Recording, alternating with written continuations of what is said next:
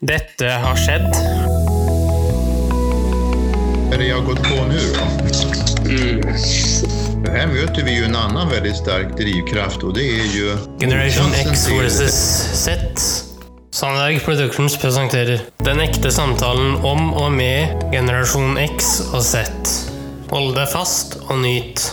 I dag tar vi opp temaet Dødsstraff. Hei, hei, kjære lytter, og hjertelig velkommen til en ny episode av Generation X versus Z. Og dagens tema er nettopp eh, dødsstraff. Og som du hørte innledningsvis her, så er det jo en, det motsatte av eh, det å bli født. Eh, Rett og slett det faktum at man da dør som følge av eh, kriminelle handlinger. Da. Eh, Kjære kompan, har du Yes. noen tanker rundt akkurat det her? om dødsstraff. Ja.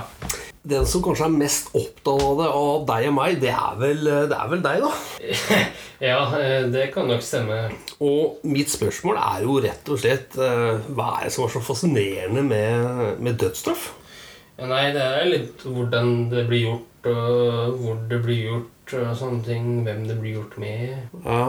Har det betydning også hva vedkommende som blir dømt til dødsstraff, har gjort? Ja, det kan også ha. eh, Og jeg har faktisk tatt med et litt uh, lydklipp som forklarer litt uh, om hva dødsstraff er for noe. Ja. Og det forklarer også litt hvordan ting skjedde i Europa, bl.a. i uh, Storbritannia på midten av 1800-tallet. Hva slags metode brukte man da? Offentlig henging. Offentlig henging. Ja. Ja. Det som er, vet du Den gang så hadde vi ikke TV, Henrik. Og folk ble oppfordret nærmest til å bevege seg ut og se på at noen ble hengt eller halshugd eller brent på bål eller hva det måtte være. Ja, og der kommer det. du med et litt eh, fint utsagn, for Ja. det henging ble da erstatter for heksebrenning i Skottland. Ja. Å ja, såpass? Ja, Ja. Og når eh, kong Henrik den 8. var konge i England, så var det faktisk eh, over ti henrettelser i London i uka. What? Han eh, likte å drepe han, vet du. Ja, han var en liten sånn gærning, men så, så mange, da. Han drepte for den minste ting. Altså, vi kaller han da? Han var jo veldig grådig. Han var grisk. Ja. Han var gjerrig. ja. Han var jo konge på en tid der kongen sto veldig høyt. Ja. Hadde veldig mye makt.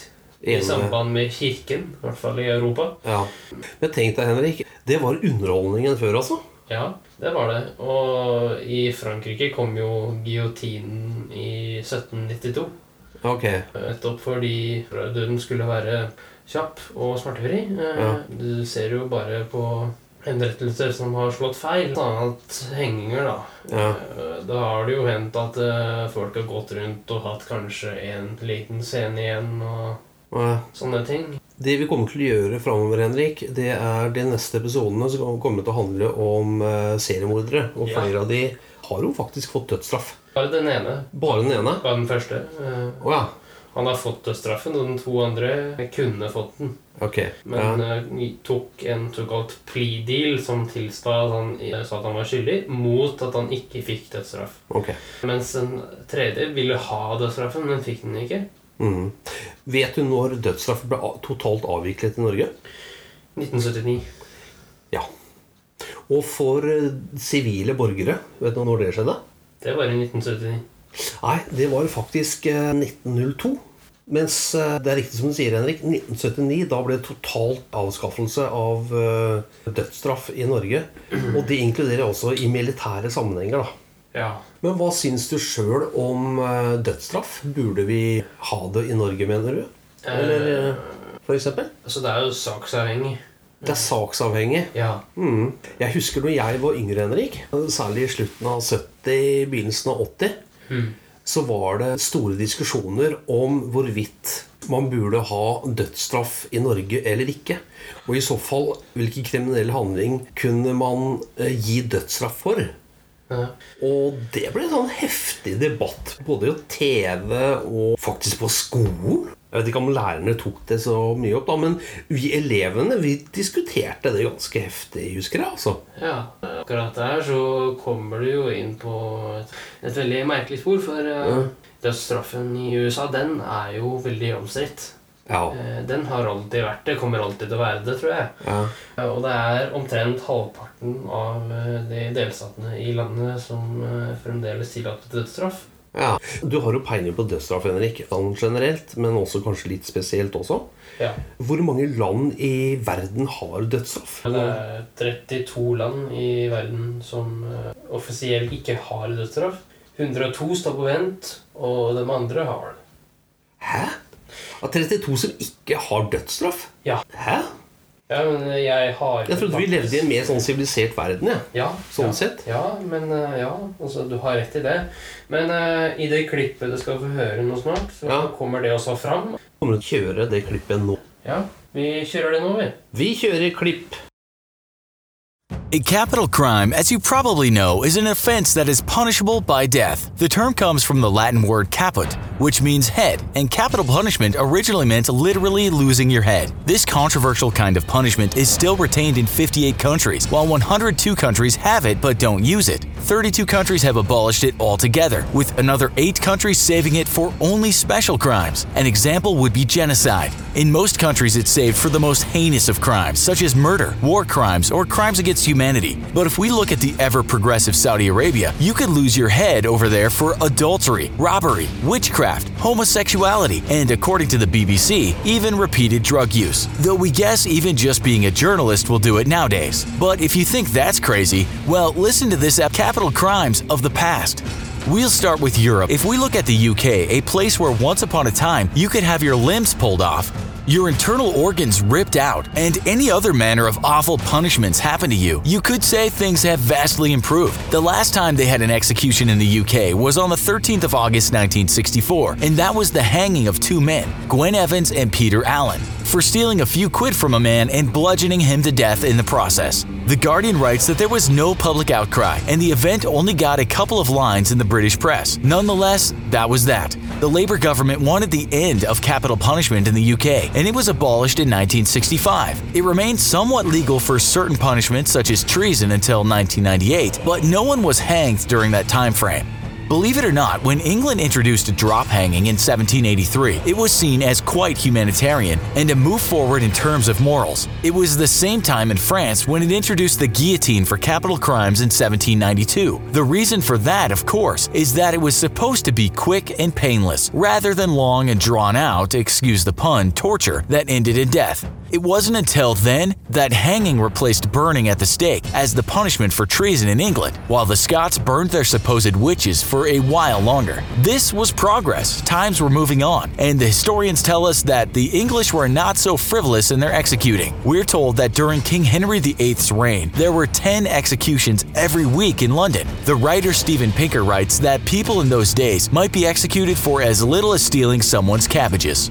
If we look at the list of UK capital punishments in England as late as 1822, the barbarity of present day Saudi Arabia comes to mind. That year, we saw the very last hanging for shoplifting in the country. How many of you have lifted a candy bar in your lifetime? An execution for witchcraft was no more. Still, you might find yourself in the gallows after a minutes long trial with the judge telling you that you'll be hanged by the neck until dead for what might seem like today's minor offenses. Of the 222 capital offenses, there was cutting down a tree, poaching, robbing a rabbit warren, begging if you were a soldier or sailor, damaging Westminster Bridge, pickpocketing, stealing from a shipwreck, maiming cattle on purpose, being in the company of gypsies for more than a month, strong evidence of malice in a child aged 7 to 14, being out at night with a blackened face, stealing horses or sheep, arson, forgery, fraud, letter stealing, rioting, and sacrilege. We can find only one person who was hanged for the latter from 1723 to 1820. We should add that the U.S. National Institutes of Health tell us that across England, Wales, and Scotland, there were contrasts in how this punishment was applied. It seems by far the south and southwest of England saw the highest rate of hangings. Property offenses such as burglary ended with thousands of executions in England over a few decades, but few in Scotland and Wales. We might also add that, of course, murder was a capital offense, but that's a given. Not everyone convicted of capital offenses went to the gallows. We're told that there was a golden age of what is called the Bloody Code, and this was from 1816 to 1820. 5,583 sentences of death were handed down, and yet only 518 people were hanged. It's said that many were pardoned, while others joined the Army or Navy or were sent to Australia to eke out an existence there. Thankfully, from 1822 and through to the 1830s, many of these capital offenses were removed. One of the reasons for the change was the introduction of police forces, which were supposed to help reduce crime rather than the old tactic of just preventing crime by scaring people with the consequences. By 1861, there were just four capital offenses. They were murder, high treason, piracy with Beklager, jeg sa noe feil, og det er at eh, 32 land har dødsstraffen, og det er. Eh, 58 land har dødsstraff. Ja, ok. Nei, men da er den avklart. Det som jeg eh, er veldig glad for, Henrik, vet du det er?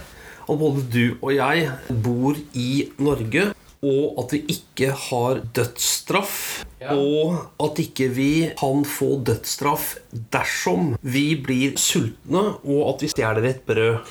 Ja, men hvis du bor i Hviterussland derimot, da kan du få dødsstraff. Ja, ok.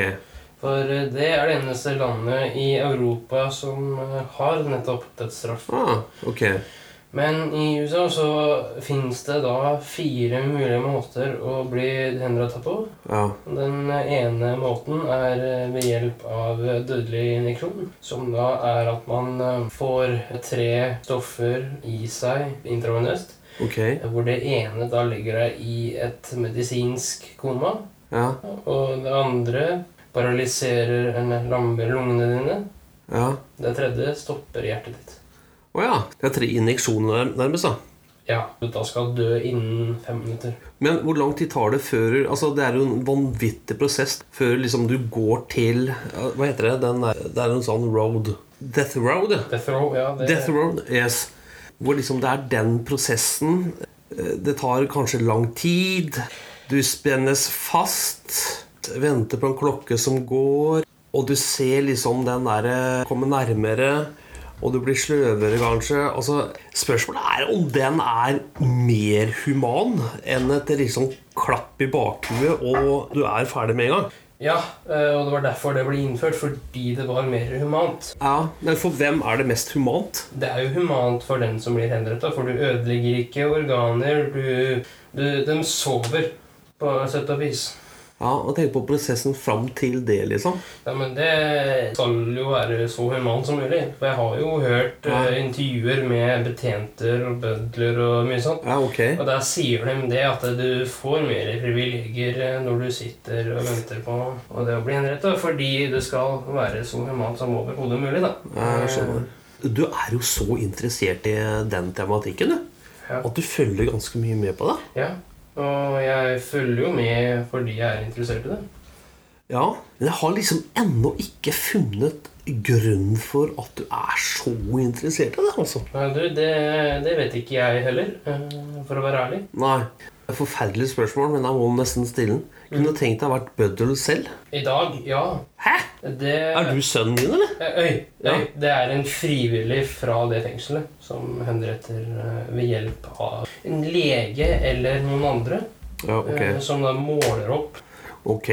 Så det kunne du Du hadde ikke noe, hatt noe imot det? Nei. Det å se folk dø, selvfølgelig, Ja. eh, det er antagelig ikke noe gøy. Nei. Og så kan man se det som en rolle man har, og ikke ta det kanskje personlig, den handlingen man da Det går. begår. Nei, det burde du ikke. Ja, jo da. Nei, nei, altså det jeg vet jo, i Norge så ble ikke bøddelen sett så veldig positivt på akkurat. Nei. Like ved her vi bor, Henrik, så bodde bøddelen i Fredriksområdet, og vedkommende og vedkommendes familie hadde ingen venner. Det er veldig riktig. Og det var jo på grunn av det han da gjorde, da. Eh, Og Ja. Du, du ser jo bare i dag eh, på skabbødler Det er noe følelsesmessig tungt. Ja. Jeg hørte også en eh, tidligere bøddel Ja. som uttalte seg, og han sa det at eh, spaserturen fra bilen til cella Mm. var lang selv for de folka. ja. Det er en veldig sørgelig setning. Høytidelig og sørgelig. Ja. Det er det. Ja.